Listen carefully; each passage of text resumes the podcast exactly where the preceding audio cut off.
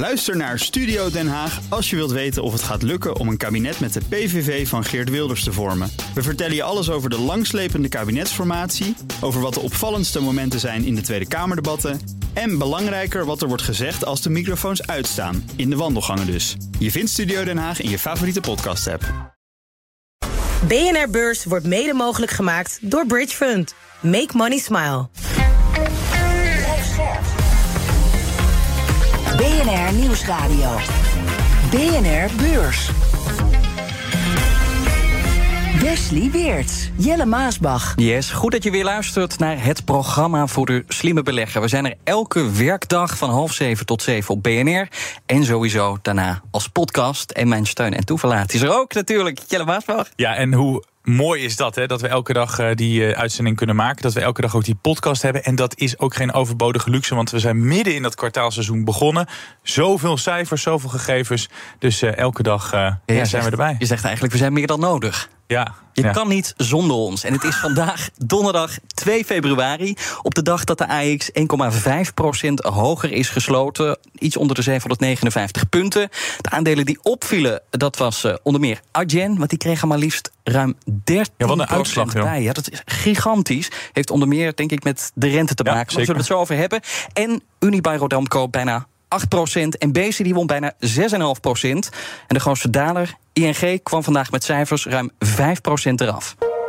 Maar wat mij het meeste opviel waren toch wel de cijfers van uh, Meta. Iedereen had het moederbedrijf van Facebook vorig jaar toch wel afgeschreven. Hè? Jij vooral? Ik vooral, ja. Ik geef het eerlijk toe. Ja, het grote project van Mark Zuckerberg, daar viel ik en heel veel anderen met mij ook over. De metaverse, dat kostte klauwen met geld. Het was een soort van speeltuin voor volwassenen wat hij aan het maken was. Ooit zou dat het gaan worden. En het was vooral ook zijn speeltuin waar hij lekker in kon ravotten. En dat kan je natuurlijk doen als alles goed gaat. Maar wat er toen gebeurde, de inkomsten die liepen terug. Er moest personeel uit. Aandeelhouders die waren ontevreden. Maar wat ik nu ineens in de cijfers zie, Wes, het gaat mm -hmm. toch beter dan verwacht. En wat ik vooral bizar vind, Facebook zelf heeft meer klanten erbij gekregen. Facebook, waar alleen je oma of je tante nog op zit. Dus jij kreeg net nog een berichtje op Facebook. Inderdaad, ja, van mijn oom. Ja, uh, en ze hebben nu wereldwijd meer dan 2 miljard gebruikers. Dat is toch wel uh, knap en echt wel bijzonder. Ja, en er werd natuurlijk ook gekeken naar die advertentieverkoop. Want die budgetten, we hadden het gisteren ja. over bij Snap, ja. die lopen terug. En de grote vraag was, ja, hoe zit dat bij Meta? Um, daar gaan we over verder praten met uh, onze gast. Want we hebben ook een gast, Jim Theopoering is bij ons van een vermogensbeheer. Jim, goed dat je er bent. Welkom. Goedemiddag, heren. Bedankt voor de uitnodiging. Yes, graag gedaan. Ja, we gaan er zo meteen uitgebreider over praten. Maar even heel kort, die cijfers van Meta, vielen die nou mee of vielen die tegen? Ja, die vielen heel erg mee. En dat zie je natuurlijk ook wel aan de koersreactie. Het aandeel staat vandaag 25% hoger. Ja. Daarbij moet ook wel gezegd worden dat he, analisten inmiddels de verwachtingen op Meta behoorlijk hadden bijgesteld. Juist ook vanwege dat geldverslindende project.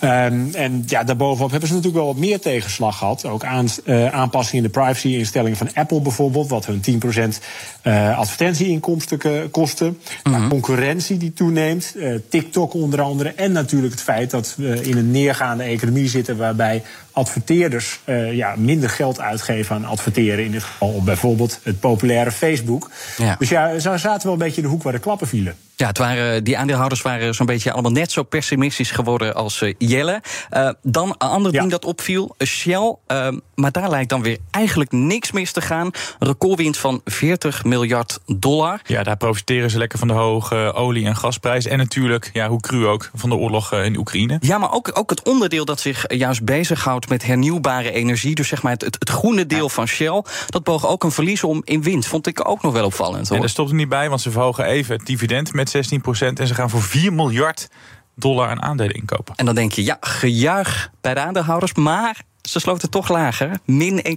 1,7 procent. Jim, heb je daar een verklaring voor? Ja, kijk, verklaren achteraf is altijd makkelijk. Uh, we moeten natuurlijk niet vergeten dat uh, Shell een van de best presterende aandelen bijvoorbeeld was ook op de Nederlandse beurs in het afgelopen jaar. En uh, we hadden net over Facebook of Meta, moet ik zeggen. Dat heeft een dramatische koersperformance gekend. Dus het is leuk dat die vandaag herstellen. Maar de belegger in Shell heeft het een veel beter jaar gehad dan de belegger in Meta. Want die staat gewoon nog steeds op dik verlies. De Shell-belegger die heeft daarentegen een verdubbeling gezien in de afgelopen anderhalf jaar van zijn, van zijn koers ongeveer.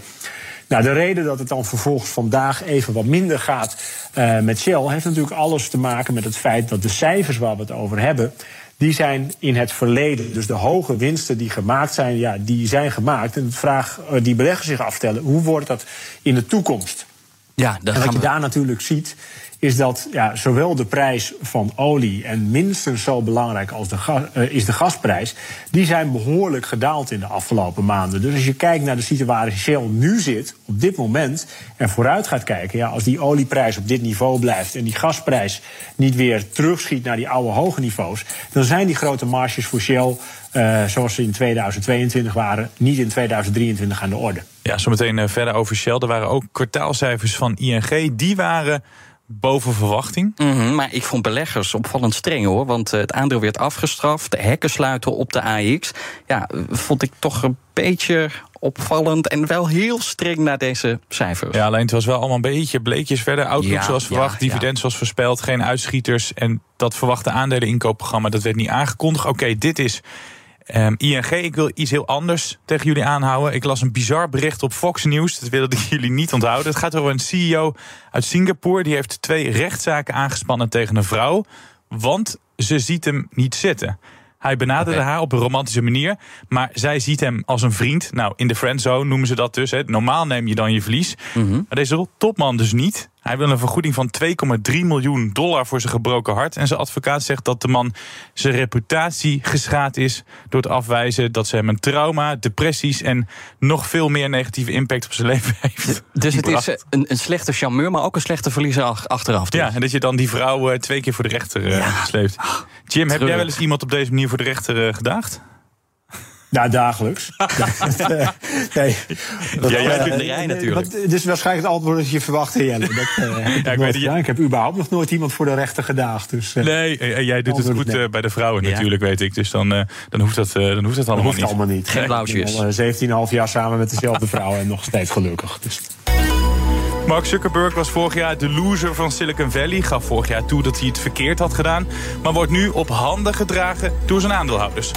Maar één ding zijn we ja, niet vergeten. Er was natuurlijk het nieuws van de dag. En dat kwam uit Washington en Frankfurt. Ja, het was de dag van de centrale bankiers. The committee, obviously, did not see this as a time to pause. We judged that the appropriate thing to do at this meeting was to raise the federal funds rate by 25 basis points. And we said that we continue to anticipate that ongoing increases in the target range will be appropriate. The Governing Council today decided to raise the three key ECB interest rates by 50 basis points and we expect to raise them further. We intend to raise interest rates by another 50 basis points at our next monetary policy meeting in March. Beide gooien dus de rentes omhoog. De Fed ging uh, harder van start, dus die doen het nu dan ietsjes rustiger aan. Um, uh, Jim, laten we even beginnen op ons eigen continent, de ECB. Uh, want de vraag vooraf was vooral hoe ver en hoe snel gaat de ECB verder met het verhogen van die rente. ze hebben het tipje van de sluier opgelicht, maar hoeveel verhogingen krijgen we nog, denk je? Nou, eigenlijk is het zo dat uh, door de woorden van die Christine Lagarde uitspreekt, ze zegt ook van we hebben de intentie om in maart weer 50 basispunten te gaan verhogen. Ja. Dat is iets minder stellig dan we gaan zeker verhogen in maart, zoals een paar weken terug nog zijn. Vervolgens zegt ze ook, daarna, dus na maart, gaan wij de data verder beoordelen. Dus er laat inmiddels wat meer ruimte uh, om eventueel minder te gaan verhogen of een keertje de rente op hetzelfde niveau te houden. Kijk, als je nu kijkt naar waar we, we staan, we staan op 3%. Er komt nog 50 basispunten bij, waarschijnlijk in maart. En uiteindelijk zal die rente misschien inderdaad ook echt wel naar 4% moeten.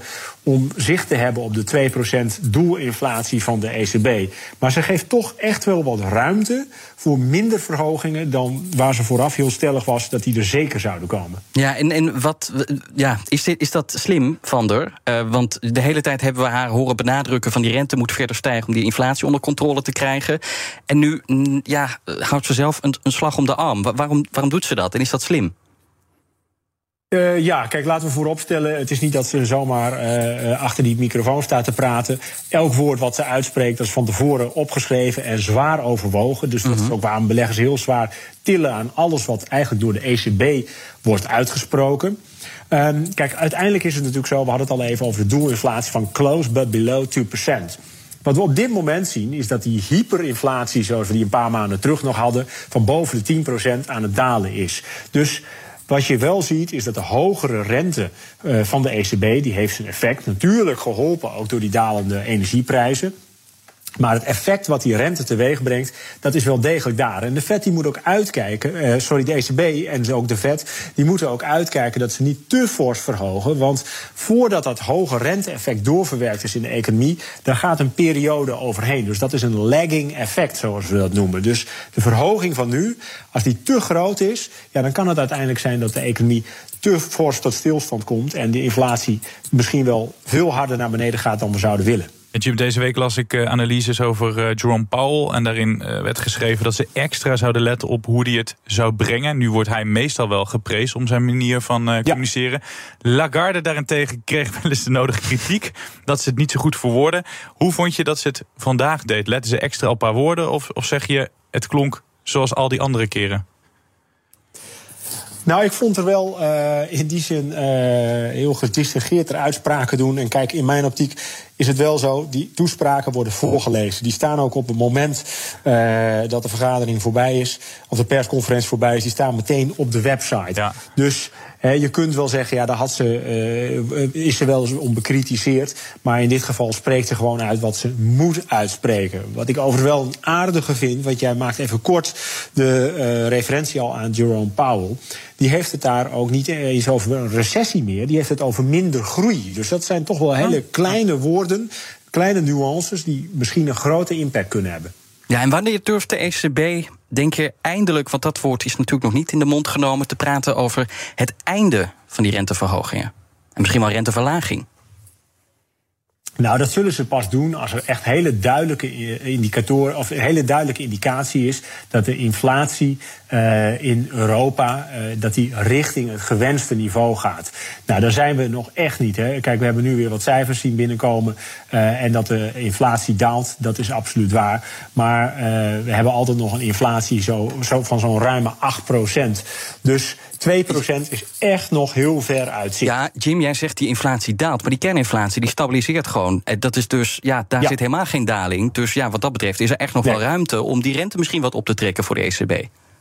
Nou, daar heb je ook helemaal gelijk in. Hè. Als we bijvoorbeeld kijken naar voedselprijzen, et cetera, die zijn fors gestegen jaar op jaar. Maar je hebt natuurlijk wel één component, en dat moeten we niet vergeten, is dat inflatie jaar op jaar wordt gemeten. Dus als uh, bij wijze van spreken het pak sinaasappelsap 2 euro uh, was in juni afgelopen jaar en in ju komend juni is hij nog steeds 2 euro, dan kan er het jaar ervoor wel veel inflatie zijn geweest. Maar in het tussenliggende jaar kan die inflatie ook heel snel dalen. Want dan is er gewoon geen inflatie meer. Als de sinaasappelsap op 2 of in uh, 2023 juni weer 2 euro is, dan is de inflatie nul. Dus een inflatie, zo hard als die kan stijgen, zo hard kan die ook dalen. Als er tenminste wel goed gecontroleerd wordt en het niet ja, hyperinflatie wordt. Jim, ik wil ook nog met jou kijken naar die kwartaalcijfers van ING. Die topman die heeft het over een buitengewoon jaar. Maar goed, ik snap ook wel dat hij dat... Ja, uh, hij zit er net uh, een maand, geloof ik.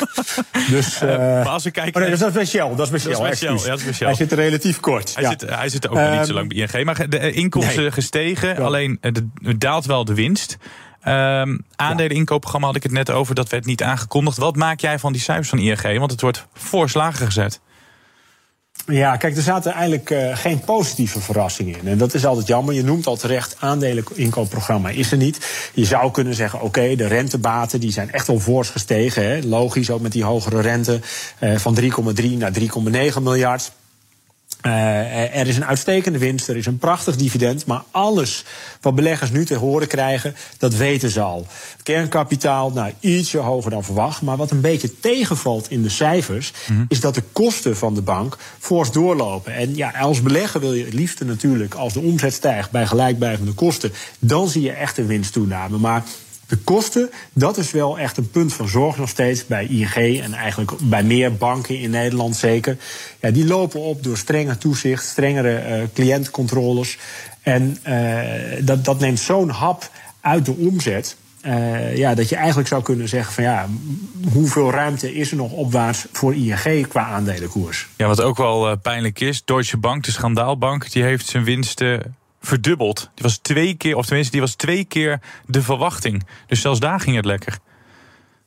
Uh, ja, dat uh, klopt. Maar dan moet ik ook wel eventjes een uh, lans breken. in dit geval voor ING. Want als je aandelen Deutsche Bank hebt. Hè, dan, dan, heb je een wilde zit daar al wat langer in.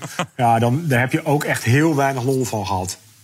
Ja, um, maar uh, kort uh, samengevat, heeft ING... Mij, tenminste, er is, er is denk ik nog, nou wat zal het zijn, 10% over van uh, ja, wat de bank ooit was. Dat, was helemaal, dus, dat is helemaal niks We moeten wel iets langer kijken en daar ING ook de credits voor geven. Die is ook nog niet terug op het oude niveau. Maar vandaag gelijk. was het misschien beter bij Deutsche Bank dan bij ING. Hey, tot slot, kort, kort heeft ING goed grip op die kosten?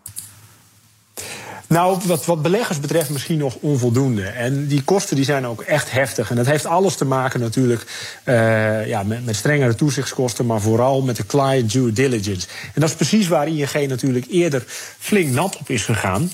Um, we hebben toen een boete gekregen uh, van een kleine miljard, laten we wel wezen. Dat heeft beleggers heel veel geld gekost. Ja, ING is nu natuurlijk uh, degene die het beste jongetje van de klas wil zijn samen met ABN. Dus ze moeten die hoge kosten ook maken uh, ten aanzien van hun cliëntencontroles. Maar hoge kosten, dat is wel echt het probleem bij banken. En die kosten lopen al maar verder op. Personeel is duur, personeel is schaars en de kosten nemen toe. BNR Beurs. Blik op Wall Street, overwegend groene boren. En wat vooral opvalt is de Nasdaq, die staat ruim 3% hoger. Zo. Ook de S&P 500 hoger, een plus van 1,4 procent. En alleen de Dow Jones staat iets lager, 0,4 procent in de min. En de grote winnaar is uh, natuurlijk uh, Meta. Uh, dat wordt ruim 20 procent hoger gezet. Daar hadden we het net natuurlijk al even over. Jim, zijn beleggers vooral blij dat het bedrijf eindelijk op de kleintjes gaat letten? Is dat de reden dat die koers zoveel hoger staat? Ja, beleggers die worden op uh, veel fronten eigenlijk uh, toch wel positief verrast door Meta. En ja, goed, je kan ook zeggen, dat mag ook wel een keertje uh, na alle tegenvallers die ze hebben gehad. Hè, want laten we wel wezen, het aandeel stond ver boven de 300 dollar en is teruggezakt op een gegeven moment tot onder de 100 dollar. Nou, en dat had natuurlijk ook alles te maken met de Meta Platforms, het ja, geldverslindende project van Mark Zuckerberg. Maar in dit geval zijn ze uh, ja, toch wel heel optimistisch over uh, de omzet die ze in 2023 zullen boeken. En ze geven ook aan echt op de kosten te gaan letten. Hè. Er wordt uh, gesaneerd, er moeten mensen uit. En ja, kostenbesparingen, daar houden beleggers eigenlijk altijd wel van. Zeker als dat gepaard gaat met een oplopende omzet. Ja, en ze willen dus ook geld gaan verdienen, uh, weer, in plaats van geld uitgeven. Waar gaan ze vooral op focussen de komende tijd? Want die korte termijn uh, omzet, die wordt uh, steeds belangrijker. Maar ja, waar moet dan dat geld zo snel mee verdiend worden? Um, nou goed, het is, laat ik het zo zeggen, dat, dat, dat het wel zo is dat ze zeggen van ja, die, die dalende advertentieinkomsten, ja, dat zien we wel stagneren. En dat blijkt ook uit de cijfers als je bijvoorbeeld hebt over hun daily users. 2 miljard. En dat is echt ook weer ver boven de verwachting. Dus als je kijkt naar het gebruik van de producten van Meta. Uh, want we hebben het over Facebook, maar we moeten natuurlijk ook een Instagram niet vergeten. Het gebruik neemt toe en dat geeft de potentie om meer advertenties te verkopen. En ze zeggen dus eigenlijk ook van ja, we verwachten echt wel dat die uh, advertentieverkopen dermate omhoog kunnen. Uh, tot wel zo'n 28,5 miljard zou de omzet moeten zijn het eerste kwartaal. Waar analisten eerder rekenen op 27 miljard. Dus Meta zelf zegt van ja, we zijn gewoon optimistischer dan wat de analist verwacht. Ja, na beurs uh, de AAA, Apple, Amazon en Alphabet. Waar ga jij op letten? Op welk bedrijf? Of zeg je, vind je alle drie gewoon leuk? Nou, kijk, ja, ik vind ze alle drie uh, gewoon leuk. um, ik, wij, kijk, wij hebben een positie uh, indirect in Apple. Uh, dus daar letten we extra op. Amazon is wel een aandeel wat we nauwgezet volgen, maar niet in, in, positie hebben. Dus voor ons is het echt wel Apple wat key is. BNR Beurs. Bizarre cijfers voor Shell. Het heeft de grootste jaarwinst ooit gemaakt. Een bedrag dat het in het 125-jarig bestaan nog nooit wist te bemachtigen. 39,9 miljard dollar. Dat is ruim 20 miljard meer dan het jaar daarvoor. Nou, kwam niet helemaal als een verrassing. Je zei het al, eh, Jim. Hè? Iedere automobilist die merkte afgelopen jaar die hoge prijs aan de pomp. Uh, ook gas, een belangrijk onderdeel voor Shell, was schreeuwend duur. Uh, was het gas waarmee ze het meeste omzet behaalden? Ja, ik vind het ook wel goed dat je uh, dat zo daadwerkelijk uh, benoemt. Want veel mensen denken bij olie natuurlijk, hè, het, uh, of bij Shell, mm -hmm. aan Royal Dutch Shell, het oude koninklijke olie. Maar het oude koninklijke olie, even los van het feit dat het helemaal niks meer Royal en helemaal niks meer Dutch eigenlijk is. Ja, dat bestaat niet meer in, zijn, in die vorm. Want Shell is tegenwoordig vooral gas. En uh, dat is dus ook waar ze daadwerkelijk het geld mee hebben verdiend in het afgelopen uh, kwartaal, in het afgelopen jaar. En daarvoor ook al. Hè, zij gingen als een van de eerste deze grote investering in LNG met een uh, overname, dus liquid natural gas. En dat zie je ook als je kijkt naar de, naar de omzetcijfers. Ja, dan is het eigenlijk zo dat ze twee keer zoveel verdienen aan gas als met het oppompen van olie. Dus gas, dat is echt de hoofdmoot bij Royal Dutch Shell. Ja, Jim, jij had het net aan het begin van de uitzending sprak je wel nog wat zorgen uit. Want het ging voornamelijk over dit jaar. Want die energieprijzen die lopen natuurlijk terug. Ja. Zagen we ook al tegen het einde van het afgelopen jaar. Toen liep het ook al terug. Um, wat zegt Shell over het huidige, het lopende jaar? wordt dat veel minder winst en veel minder omzet? Nou, kijk, ze zeggen dat ze uh, ja, echt op positie zijn om uh, uh, ja, door te gaan waar ze mee bezig zijn. Dus ze schreven ook wel heel duidelijk aan dat ze uh, ja, echt bezig zijn met de energietransitie. En dat is natuurlijk iets wat voor de aandeelhouder wel belangrijk is. Mm -hmm. heeft eerder aangegeven dat ze uiteindelijk helemaal van fossiel af willen. En uh, ja, daar zijn ze wel uh, positief over. Nou, een ander punt is ook. Nou, Jim, Jim ik, ik, ik wil ja? je toch heel even onderbreken. Want ik zag ook een interview met die topman van Shell. En die zei: Ja, niet nog meer groene plannen is niet verantwoord. want de komende tijd blijven wij gewoon fors in olie en gas investeren. Want dat is belangrijk. Ja, dat staat toch haaks op. we gaan meer investeren in groen en daar zit de groei. Nou, dat is wel hun uh, uiteindelijke doelstelling. Maar je moet ook altijd kijken als bedrijf, waar maak je nu je winst? Waar verdien je nu het geld? Dus de transitie is in gang gezet. Uh, maar dat betekent niet dat alles waar je in het verleden geld mee verdiende... en vandaag de dag ook nog geld mee verdient, dat je dat in één keer afstoot. Ik denk wel dat Shell heel duidelijk ook uit de boodschap heeft gekregen... notabene ook vanuit de Nederlandse nou ja, rechter zelfs om uiteindelijk de switch te moeten ja. maken uh, naar, naar groene energie. Nou, daar wordt in geïnvesteerd en uiteindelijk zal ook de transitie van het bedrijf daarheen uh, plaatsvinden. Maar het klopt wel wat je zegt. Ja, het geld wordt nu echt verdiend uh, met, met LNG en gas. Ja, dus echt, LNG en olie. Ja, dit is echt een natte droom voor de aandeelhouder, al die bizarre cijfers. In de tussentijd, het Witte Huis was al kritisch. Joe Biden die zei uh, een paar maanden geleden al dat het niet normaal was hoeveel winst er werd gemaakt. Dat herhaalt hij nu weer. Die oliebedrijven, ook uh, Exxon en uh, Chevron. Um, is het nog een gevaar voor je als, als aandeelhouder dat je het Witte Huis misschien tegen je krijgt? Of, of verwacht je daar niet zoveel van, van de kritiek van de Amerikaanse president? Nou, niet alleen misschien van de Amerikaanse president. In zijn algemeenheid dingen dat overheden altijd kijken uh, waar ze kunnen belasten. En ja, waar levert het de meeste op? Dat is natuurlijk daar bij die bedrijven uh, die veel winst maken. En dat is misschien ook wel de reden geweest dat er bedrijven zijn geweest die uiteindelijk uit Nederland vertrokken. Uh, en dan was hier het vestigingsklimaat goed. Ja, inmiddels wat minder. En dat is natuurlijk ook een risico wat.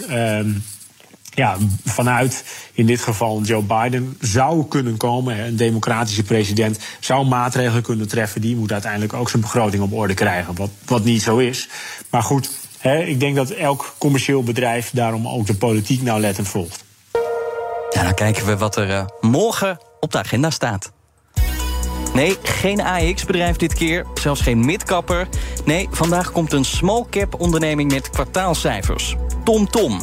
Het navigatiebedrijf dat is gedegradeerd naar de competitie met kleinere beursbedrijfjes zal waarschijnlijk iets meer omzet hebben gemaakt. De jaaromzet zal vergeleken met het jaar daarvoor licht zijn gestegen. Analisten van ING denken dat dit jaar een transitiejaar zal zijn. TomTom heeft eerder wat mooie lange termijn projecten aangekondigd, maar daar heeft het voor nu nog niet zoveel aan. En dit jaar zal sprake zijn van beperkte groei.